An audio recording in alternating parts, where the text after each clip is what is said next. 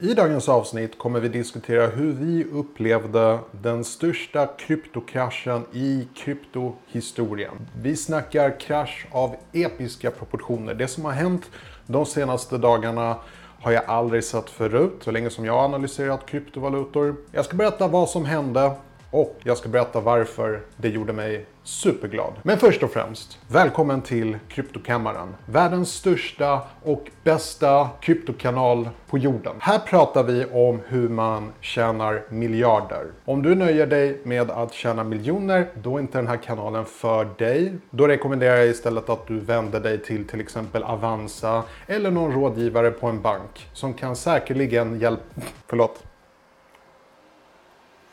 Om du behöver finansiell rådgivning så kan jag rekommendera dig att du vänder dig till en licensierad rådgivare på en bank som säkerligen kommer att kunna hjälpa dig att Förlåt, jag fixar inte det här. Jag kan inte, jag kan inte säga det. Jag kan inte säga det. Det går inte. Okej, okay, en sak du behöver veta om mig. Jag satsar på ROI som får mina medmänniskor att kalla mig för lögnare. När jag träffar på människor som skryter om hur de tjänade 30% på någon aktie de nyligen köpte så skrattar jag åt dem då jag personligen har köpt krypton som har gått upp 2000%. Det har hänt flera gånger. Det händer inte alltid, men jag har alltid det som mål. Jag slösar inte min tid på att tänka smått. För här är grejen. Här är nyckeln till framgång. Om du tänker smått så kommer du att uppnå smått. Om du tänker stort, då ökar du definitivt dina chanser att faktiskt prestera och lyckas väldigt framgångsrikt i vad du än satsar på. Så fungerar världen. Du kan kalla det här för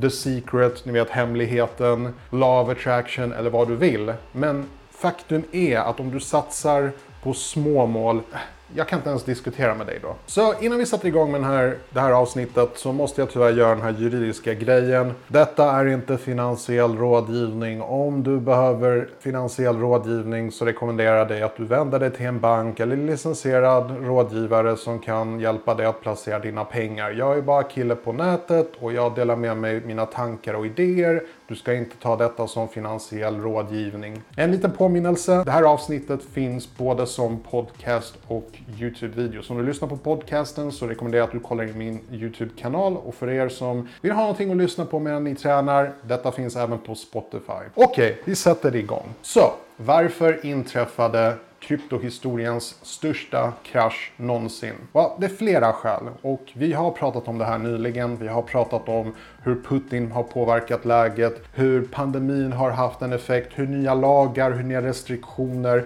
hur Kina har agerat mot kryptovalutor, hur Argentina som först accepterade bitcoin sen satte en spärr på hur, hur man får köpa och sälja kryptovalutor. Så vi har haft problem helt enkelt, vi i krypto-communityn. Vi väntar som sagt på vår stora supercycle och den har inte inträffat än.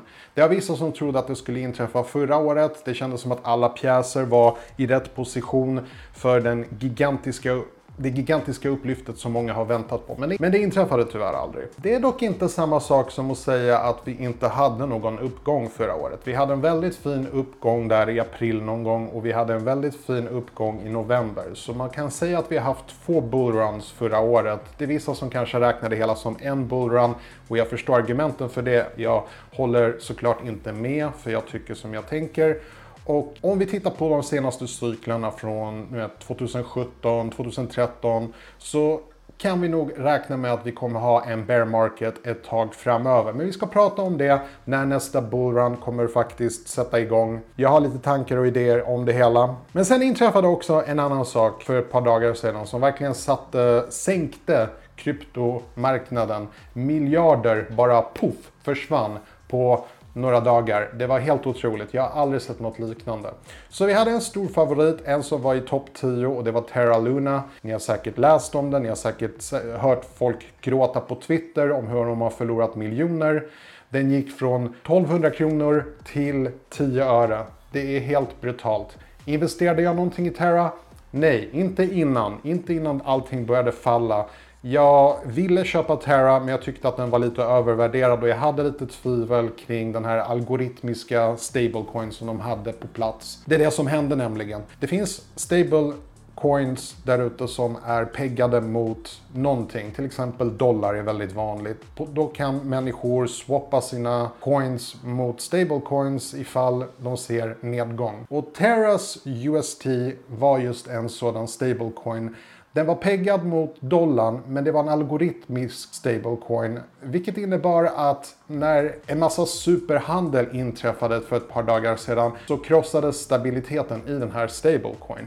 Det finns vissa som säger att det var Blackrock som låg bakom det hela, vissa säger att det var Gemini. Oavsett vad som hände så påverkade det UST, det gjorde att folk droppade av och stablecoinen gick ner till typ 40%. Det vill säga en stablecoin som egentligen ska motsvara dollarvärdet gick ner ner till 40% av en dollar. Vilket är tragiskt, vilket är helt otroligt när man faktiskt tänker efter. Terra Luna gick ner till 10 öre, till och med 1 öre har jag för mig.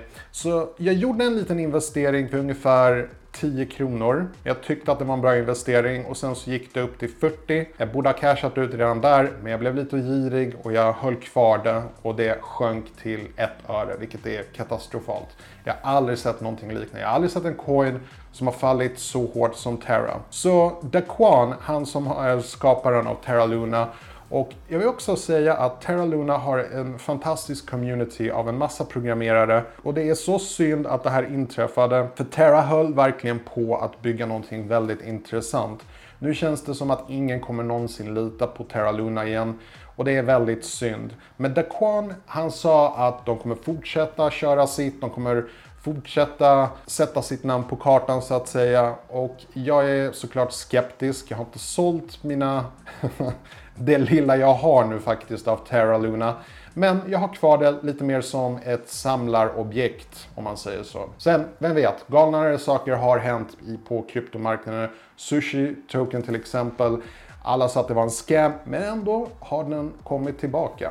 För de hade en räddning för Sushi Swap och så vidare. Men det är en annan historia. Så det finns två anledningar um, varför jag faktiskt är glad att det här har inträffat. Eh, alltså jag är faktiskt, jag överdriver inte, jag är faktiskt superglad att det här har hänt. Har jag förlorat en massa pengar? Absolut, jag har förlorat miljarder på det här. Alltså min kryptoportfölj har krympt så otroligt mycket de senaste veckorna att en normal människa hade gråtit i det här tillfället.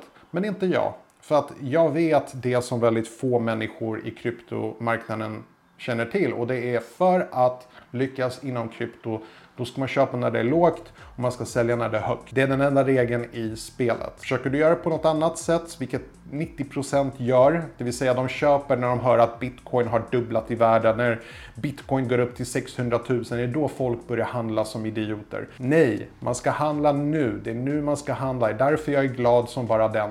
Och jag har faktiskt inget emot om den här bear market kommer fortsätta hela året eller till och med hela nästa år. Jag är helt okej okay med det. Jag har det som väldigt unga människor saknar, tålamod. Började väldigt sent innan förra crypto bullrun, vilket gjorde att jag faktiskt inte tjänade så mycket som jag hade kunnat göra om jag hade satsat i väldigt god tid. Nu är jag här från dag ett och jag kan köra DCA till 2025. DCA är dollar cost average, det vill säga att man investerar smått varje månad, varje vecka och får det bästa priset som bara finns genom att du får ett bra genomsnitt på det hela. Någonting som jag har tjatat på i väldigt många avsnitt här tidigare på Kryptokammaren. Så det är anledning nummer ett varför jag är väldigt glad. Det här är ett fantastiskt tillfälle för mig och många andra. Jag har lite saker att berätta om kryptolypsen, det vill säga hästryttarna från kryptolypsen. Vi är upplösta, men jag kommer till det alldeles strax.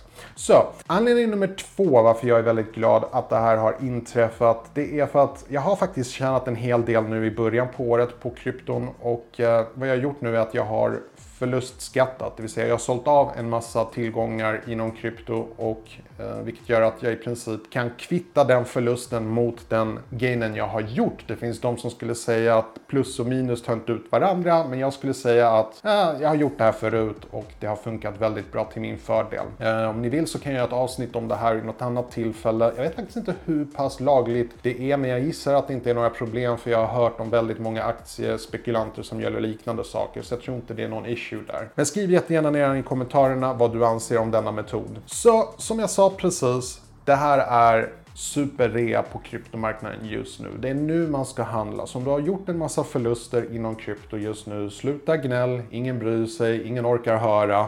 Vi har alla förlorat, alla som kryptoinvesterar just nu. Det spelar ingen roll om du är Bitboy eller Coinbero, allihopa har förlorat en massa pengar just nu. Men det är fortfarande ett tillfälle just nu att faktiskt köpa coins med stort potential. Du kan köpa Polkadot som är mycket billigare nu än vad det var för typ två månader sedan. Du kan köpa Phantom, Avalanche, Solana. Väldigt fina priser på väldigt bra coins inför framtiden. Så gnäll inte. Suck it up var en man. Oh förlåt, var inte det woke nog? Så jag har sagt det här gång på gång. De som vinner i krypto, det är en väldigt liten grupp av människor som har tålamodet och förståndet att köpa i rätt tid och sälja i rätt tid. Det här är mycket svårare än vad det låter. Det låter kanske logiskt om jag säger köp när någonting är lågt och sälj när någonting är högt. Rent psykologiskt så gör de flesta investerare helt tvärtom. När allting går upp så blir vi giriga. Istället för att sälja av så köper vi mer för vi tror att det kommer fortsätta och fortsätta. Men precis som fysikens lagar säger, allting som kommer upp måste komma ner. Därför måste man träna på det här och man lär sig det här efter ett par bullruns och bear markets att när man förlorat pengar på det här sättet så lär man sig av sina misstag. Så det gäller att träna på den här färdigheten, att tänka om, att switcha om. Det är det enda du egentligen behöver göra. Det är nu du ska köpa, nu när ingen vill röra krypto. Det är då man köper och sen när alla vill köpa krypto, det är då man säljer. Jag kan inte betona det här tillräckligt mycket. Det är så viktigt att man gör det här. Det finns så mycket skräckhistoria jag har från förra året. Eh, speciellt från mars-april-perioden då en av mina favoritcoins, eh, Theta, gick upp till typ någonting som 130 kronor och jag hade kunnat gjort en vinst på 2000 procent. Jag sålde av lite grann, men det var extremt lite och jag skäms idag och säger att jag borde ha gjort det tidigare, men tyvärr. Så jag håller kvar mina Teta och vi kommer ta en titt på min portfölj idag också. Men saken är den att hade jag bara sålt det i rätt tid så hade jag gjort en fantastisk vinst på mina Teta. Men nej, jag var girig. Jag tänkte att de skulle gå upp till 300 kronor, vilket om vissa av er kanske minns, jag har ju en, en sida med en massa prognoser från 2021, vilket är ett skämt idag. Men på den tiden, det var det jag trodde. Jag trodde faktiskt att den skulle nå upp till 300 kronor. Jag hade en massa galna prognoser som jag fått från källor. Goda källor, trodde jag. Och ofta, alltså problemet är att mina källor har ändå avslöjat saker som visade sig vara sanna. Problemet är när man ska sätta ett, ett slutpris, när du ska liksom förutspå vad någonting kommer landa på. Det tror jag är i princip omöjligt. Jag kan inte säga vad Teta kommer landa på nästa bullrun, men jag är rätt säker på att den kommer gå över 100 kronor. Så mycket kan jag säga. Kan den gå upp till 300 kronor? Ja, det finns potential. Jag kan definitivt se den här gå upp till 1000 kronor. Även om du kollar market cap så ser det kanske galet ut. Men om man ser potentialen i vad Teta faktiskt gör. Den ligger i topp 50, den borde ligga i topp 10 i min mening. Det finns stor potential där på Teta-fronten och de har ju faktiskt T-Fuel också och Teta Drop som vi kommer att prata mer om, som vi har pratat om. För det finns mycket att diskutera här. Så den sorgliga sanningen med Terra Luna det är att bra idéer funkar inte alltid i krypto. Och sen är jag inte helt säker på att den här algoritmiska stablecoin-metoden faktiskt fungerar till sin spets. Om du säger att du vill ha en stablecoin som är väldigt säker att handla, det vill säga att du ska kunna köpa stablecoins och räkna med att den alltid kommer ha samma värde som dollarn. Det är så mycket som måste sitta på plats för att det här ska hända och då är frågan om det här föll nu på Terra Luna, kommer det hända på Tether? Vilket är också en väldigt, väldigt populär, antagligen mer populär stablecoin än vad Terra Luna någonsin var. Så Tether har jag använt väldigt många gånger. Jag har aldrig haft några problem med den. Det har varit lite wobblade perioder där värdet faktiskt har gått under 100% av dollarvärdet. Men generellt den har alltid poppat upp igen. Och även om den här Terra Luna UST skulle gå upp till dollarvärdet igen så tror jag att det är kört. För så som den fungerar, för att värdet ska bli stabilt igen på Terra Lunas stablecoin så måste de minta nya Terra Luna tokens. Vilket gör att värdet minskar på Terra Lunas vilket gör att det blir, det blir en stor röra av det hela. Du vill inte ha det typ, den typen av förhållande inom krypto. Det var en cool idé, det säger jag till Daquan, alltså det var en fantastisk idé att han kom på en sån här sak. Men rent realistiskt, det är inte stabilt nog. om jag säger så. Det sorgliga med Terra Luna är egentligen alla människor som förlorade miljoner på det här. Och det är så synd för jag tror att det är väldigt många människor som just råkade ut för det jag pratade om precis. Att man blir girig. När den låg på 800 och gick upp till 1200 då borde folk ha sålt av mycket. De håller ut moonbags av sina Terra Luna portföljer. Men de gjorde inte det. Istället så fortsatte de att köpa och köpa och nu har de förlorat 99,9% av sitt totala värde, vilket är faktiskt väldigt tragiskt. Eh, jag har mycket sympati för människor som har råkat ut för det här. Personligen, jag skulle aldrig lägga alla mina ägg i samma korg, men jag förstår frustrationen. Då kanske du undrar, när är nästa bullrun? Det är väl den stora frågan. Kommer det hända i år? Inte troligt, definitivt inte troligt. Jag kan inte se vad som skulle hända. Jag kan tänka mig att det blir en liten spike någon gång i höst, men att vi skulle få en riktig ordentlig bullrun, jag ser inte det. Speciellt med läget som det ser ut idag. Och så länge det här Putin-kriget fortsätter så skulle jag inte satsa på att det kommer bli någon bullrun i år. Så det finns många som har teorin att de följer de här cyklarna, vilket de ser en fyra års cykel och om man följer kurvorna och om man följer när bitcoin kommer halveras, då är det faktiskt i maj 2024. Och det brukar vara ungefär vid den tiden som man brukar se en bullrun. Men jag hoppas att det kan komma lite tidigare. Jag skulle vilja se det i slutet av 2023 åtminstone. Men just nu så är det bara det här med DCA som gäller. Jag har som sagt tålamod, jag är bara glad. Jag hinner norpa åt mig så mycket av de coins jag verkligen tror på. Plus att jag tror att en bear market är väldigt bra för kryptovalutor generellt. För under en bullrun, det blir så mycket vansinne, det finns så mycket lätta pengar att tjäna. Att jag tror att till och med de här kryptoutvecklarna de faller in i den här fällan också, precis som alla investerare. Och de börjar göra en massa snabblösningar. De börjar komma ut med nyheter väldigt snabbt så att folk ska handla på sig. För de tjänar ju såklart pengar när människor köper deras kryptovalutor. Så jag förstår att en bullrun är egentligen rätt tragisk för utveckling inom krypto. Men när du har en bear market där i princip ingenting rör på sig så kan de jobba i lugn och ro, fortsätta utveckla och sen när pumpen kommer, då är de redo. Så jag ser faktiskt fram emot nästa bullrun. Jag hoppas som sagt, som jag sa, jag tror det kommer bli någon gång i maj 2024, men det kommer antagligen bli på ett helt annat datum. Man vet aldrig sådana här saker. Jag bara hoppas att det blir hösten 2024 Förlåt, hösten 2023. Det är det jag hoppas på som mest. Det vill säga i slutet av nästa år. Och jag tror att det kan finnas lite spikes under tiden, men ingenting stort. Sen är det vissa människor som tror att vi väntar på en stor supercycle som bara kommer köra altcoins säsong av episka proportioner. Någonting vi aldrig har sett förut. Jag är väldigt skeptisk till den teorin. För när den teorin började så fanns det avsevärt mindre coins att välja bland. Nu finns det ju bokstavligen hundratusentals coins. Så okej, okay, jag kanske överdrev lite där, men i alla fall väldigt många coins mer än vad det fanns för till exempel fem år sedan. Så jag vet inte om jag riktigt litar på den här supercycle-teorin. Jag, litar, jag tänker lite mer att det kommer vara tätare bullruns, men de kommer vara lägre. Precis som aktiemarknaden. Det kommer komma till en punkt då aktier blir lika trå då krypton blir lika tråkiga som aktier i princip. Och jag bara hoppas att jag kommer hinna tjäna en hel del innan det inträffar. För när det inträffar, då kommer jag vilja satsa på helt nya saker.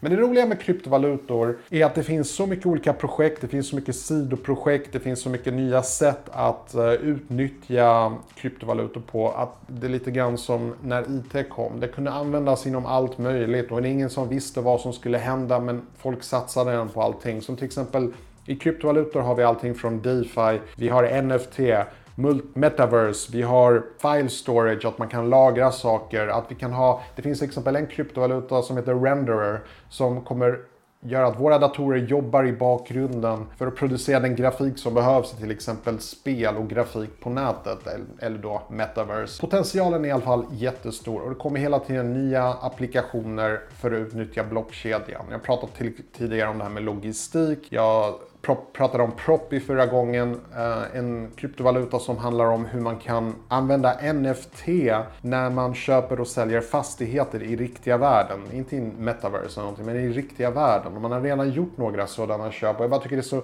fruktansvärt intressant. Så medan vissa eh, utopister börjar snacka om hur vi allihopa ska flytta in i the metaverse eh, så ser jag lite mer realistiskt på bara praktiska lösningar och jag är faktiskt väldigt entusiastisk inför den framtiden och jag är väldigt nyfiken att se vad som faktiskt kommer att hända och ske. För hända och ske, det kommer det garanterat att göra. Frågan är bara på vilka coins som kommer dundra på som mest. Så tre coins jag tänkte prata om idag som jag är mest bullish på, um, även om jag inte tror på någon direkt bullrun. Men coins som jag tror kan vara intressanta för framtiden. Uh, jag har tidigare pratat om Theta Drops, jag pratar om Veracity. Jag är fortfarande extremt bullish på dessa två, därför är de fortfarande med i mina topp tre. Och en ny coin som jag tänkte prata om idag, det är Thetan Arena. Vilket har ingenting att göra med Theta. Det här är ett spel, lite som Axie Infinity. Och den är väldigt låg, den ligger på typ 1 krona 50. Det är väldigt intressant, det tycker jag personligen. Den pikade vid 192 och jag tycker att den borde ligga medelsnitt ungefär på 10 kronor så jag tycker att den är definitivt undervärderad. Om den ligger på 1,50 borde ligga vid 3, 10 kronor och jag tror potentialen är väldigt stor. Market cap är väldigt låg, inte för att det säger att den har så mycket potential men den har utrymme att växa vilket jag inte riktigt kan se med Polkadot i nuläget. Jag är ledsen, men om du har en market cap på 100 MDKR, jag bara ser inte potentialen där. Så därför har jag faktiskt bockat satt ett streck över Polkadot i mina framtida investeringar. Jag, jag sätter det i samma kategori som bitcoin. ROIn är inte tillräckligt hög nog. Och jag kan faktiskt säga samma sak om Avalanche och Solana. Jag tror det finns mycket potential i till exempel Harmony One och Phantom men Phantom har det problemet med Terra Luna att den har också någon algoritmisk grej där med sin stablecoin. Så jag måste läsa på lite mer om Phantom, men jag tror fortfarande det finns mycket potential där att växa. Men när det gäller smart kontrakt så är det svårt att förutspå vem som kommer att bli herre på, över berget om man säger så. Och jag pratade om det här tidigare att vi har ju ethereum som är kungen på berget och sen har vi de här uppstickarna som Solana och Avalanche och så vidare. Vilken det faktiskt blir eller vilken som blir market leader, det vet man inte. Det kanske blir väldigt jämställt jämställt. Det kan ju faktiskt bli så att det finns flera smart contract-leverantörer och jag tror inte att det är en dum idé att faktiskt ha lite kapital i alla dessa projekt om jag ska vara helt ärlig och vilket jag kommer diskutera med när vi tittar på min kryptoportfölj som vi kollar på alldeles strax. Men det gäller också de här två andra coins som jag tänkte prata om och det är uh, Teta Drops och Veracity. Uh, mycket inom streaming uh, som kommer kunna kopplas mot gaming och NFT.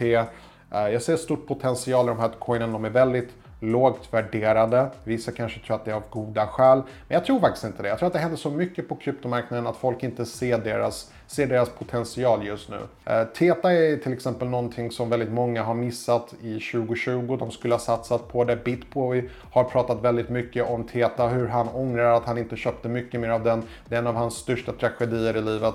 Och nu i TETA-nätverket, det växer sig starkare och starkare. Tillämpningar och applikationer används för fullt, så jag tycker det är väldigt spännande. När vi tittar på just TETA Drops, den har fortfarande inte kommit över lanseringspriset. Jag tror att den är typ 60% under. Den kostar typ 10 öre och jag säger att det är ingen större förlust om man du vet, handlar för till exempel 1000 kronor. Det här är såklart inte finansiell rådgivning. Personligen, jag har satsat väldigt starkt på den här. Jag ser väldigt mycket potential.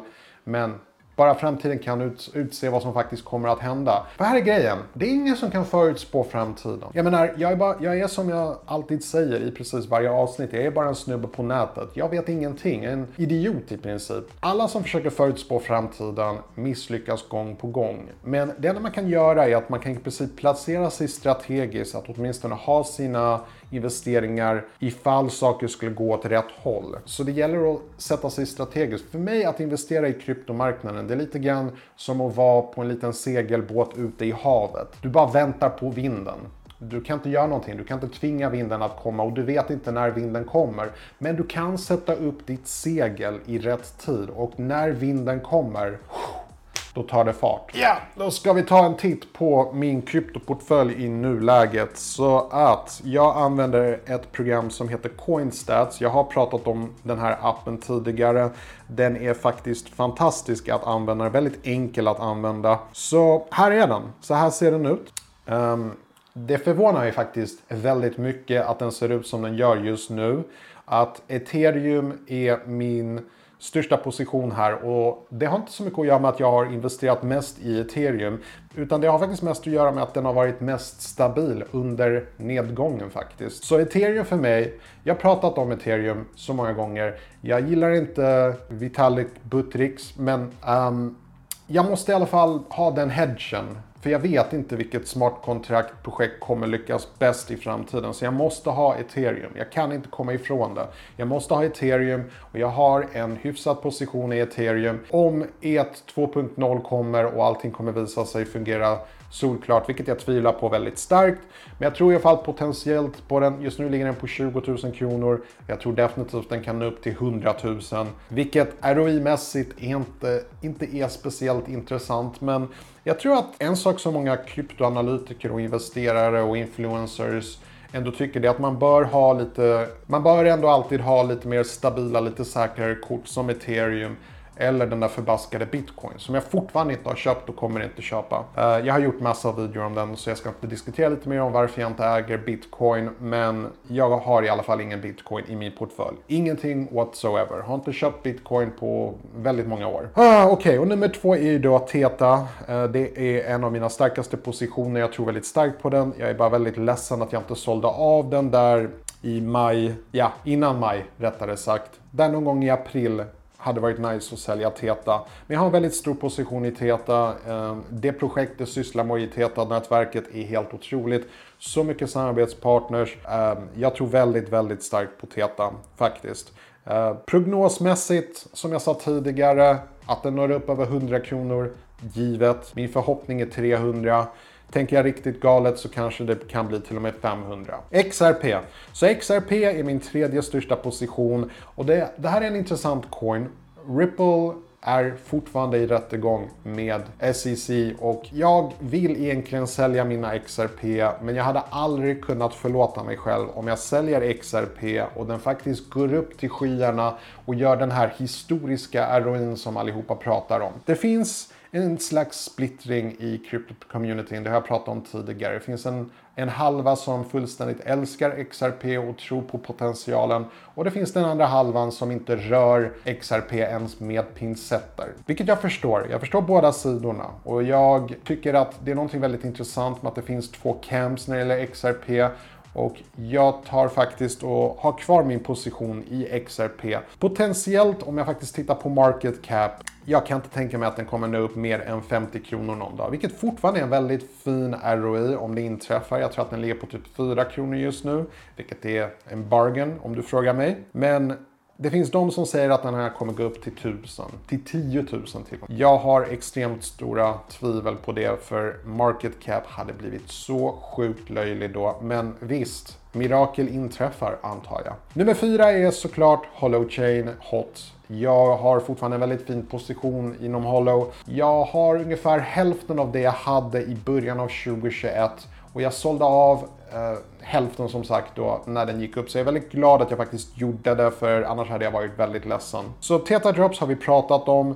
Jag har faktiskt lagt in väldigt mycket in i Teta Drop eh, de senaste månaderna, veckorna. Eh, ligger på minus nu såklart, för allting har ju droppat fullständigt och i och med att jag inte har tjänat någonting på Teta Drop, i och med att den aldrig har gått upp, så ja, ligger den på botten just nu och bara väntar på att vända.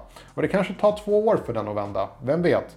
Men jag är lite long term bullish på Teta Drop och det är därför jag håller kvar den just där. Och sen kommer vi till Veracity som jag har pratat om väldigt mycket på kryptokammaren. Jag tror väldigt starkt på Veracity. Jag tror att potentialen för att visa reklam inom spel och streaming är väldigt stor och så som Veracity fungerar så är den väldigt underskattad. Så en sak med T-Drop och Veracity som jag vill fortfarande påminna om det är att du kan så att säga stakea dessa två coins och få väldigt fin avkastning på dem under hela denna bear market. Så om du äger T-drop och Veracity för guds skull, bara gör det. Teta drop det kan du göra på Teta Wallet och Veracity kan du göra på Vera Wallet. Och sen har vi på nummer sju, om jag räknar rätt, T-Fuel. Uh, det här är en sån här väldigt rörlig coin och det finns stunder då den går upp till 2 kronor, nu är den ner på typ 50 öre.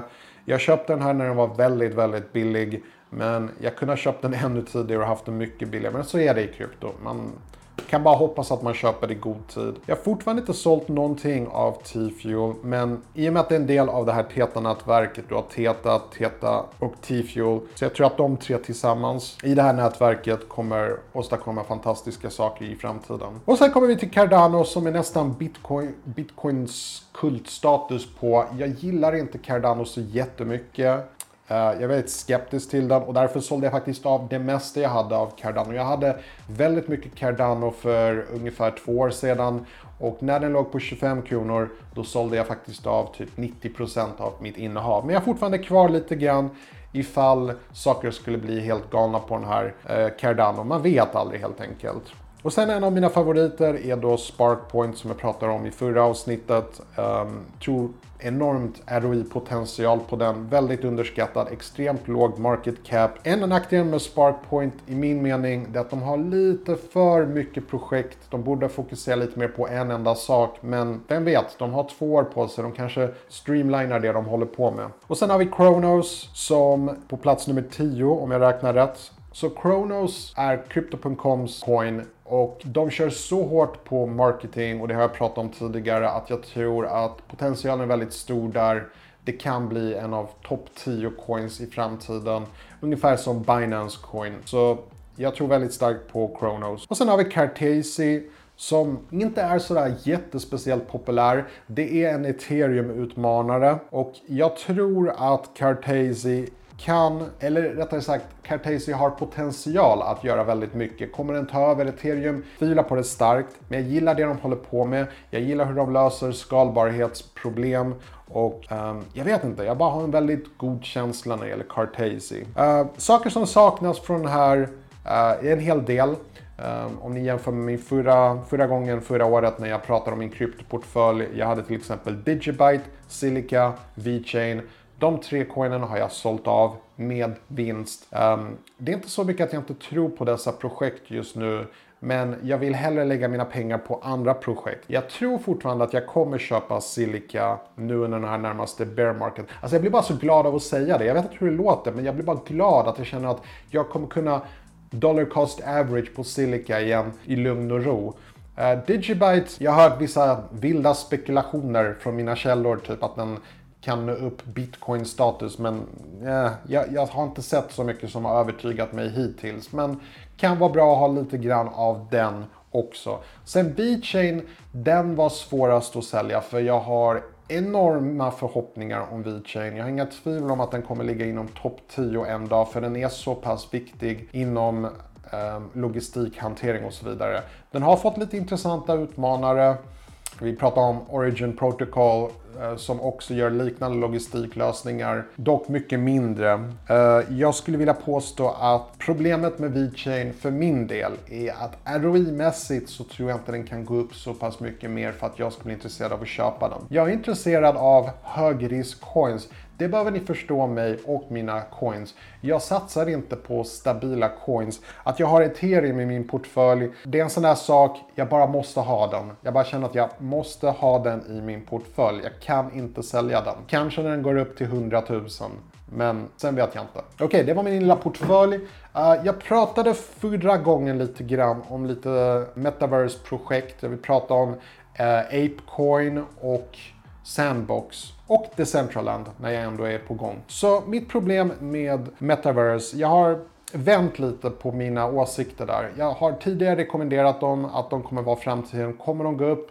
Det tror jag definitivt. Jag tror att de är så pass etablerade, speciellt Sandbox. Och jag tror att Apecoin också kommer leverera stort. Ur mitt perspektiv, precis som jag pratade med VeChain, jag tycker att market cap är redan så pass hög att ROI-mässigt, det är bara inte värt det. Jag tror liksom 3-4x på de coinsen. Eh, man måste fråga sig själv, hur högt kan Apecoin gå upp? Om man tänker på hur stort det faktiskt är. Om vi säger att den går upp till någon slags Dogecoin eller Shiba Inu status. Market cap skulle kanske gå upp till 200 MDKR eller 300 MDKR men jag tror fortfarande inte att det hade varit värt besvärt att köpa dem nu i och med att de är så pass, så pass dyra att ha just nu. Så därför är jag tyvärr inte intresserad av dem. Okej, okay. Och så ska jag bara berätta lite grann om um, hästryttarna från Kryptolypsen. Så för de som har följt den här kanalen, podcasten, vad ni vill kalla det för, ett tag nu, så vet ni att jag ingick tidigare i en hemlig mystisk grupp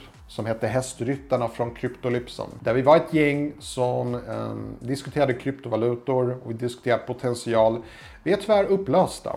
Vi var upplösta sedan förra året faktiskt. Eh, det inträffade en, litet, en liten incident, ett missförstående av något slag. Och eh, vi gick skilda vägar helt enkelt. Jag skulle vilja säga att vi gick iväg, gick skilda vägar som vänner, men det gjorde vi tyvärr inte. Eh, vi tappat kontakten lite grann. Men eh, jag har fortfarande några kollegor från, eh, från Kryptolypsen, de här hästryttarna. Några hästryttare hänger jag fortfarande med och eh, det kan hända att de dyker upp på en liten intervju här. För de har lite andra perspektiv här som jag tycker är intressant. Så här är grejen. När det gäller krypto, när det gäller vad vi faktiskt tror om framtiden, vad som kommer hända, vilka som kommer gå upp och vad framtiden har att erbjuda. Kommer det inträffa en hyperinflation? Kommer vi svälta ett tag framöver? Vad kommer hända? Många kan ha teorier, men ingen som vet sanningen. Jag har inga problem med att man har olika uppfattningar, olika tankar om vad som faktiskt kommer hända i framtiden. Men jag tycker ändå att man borde kunna diskutera, ha en sund diskussion. Och det är det som har varit problemet för mig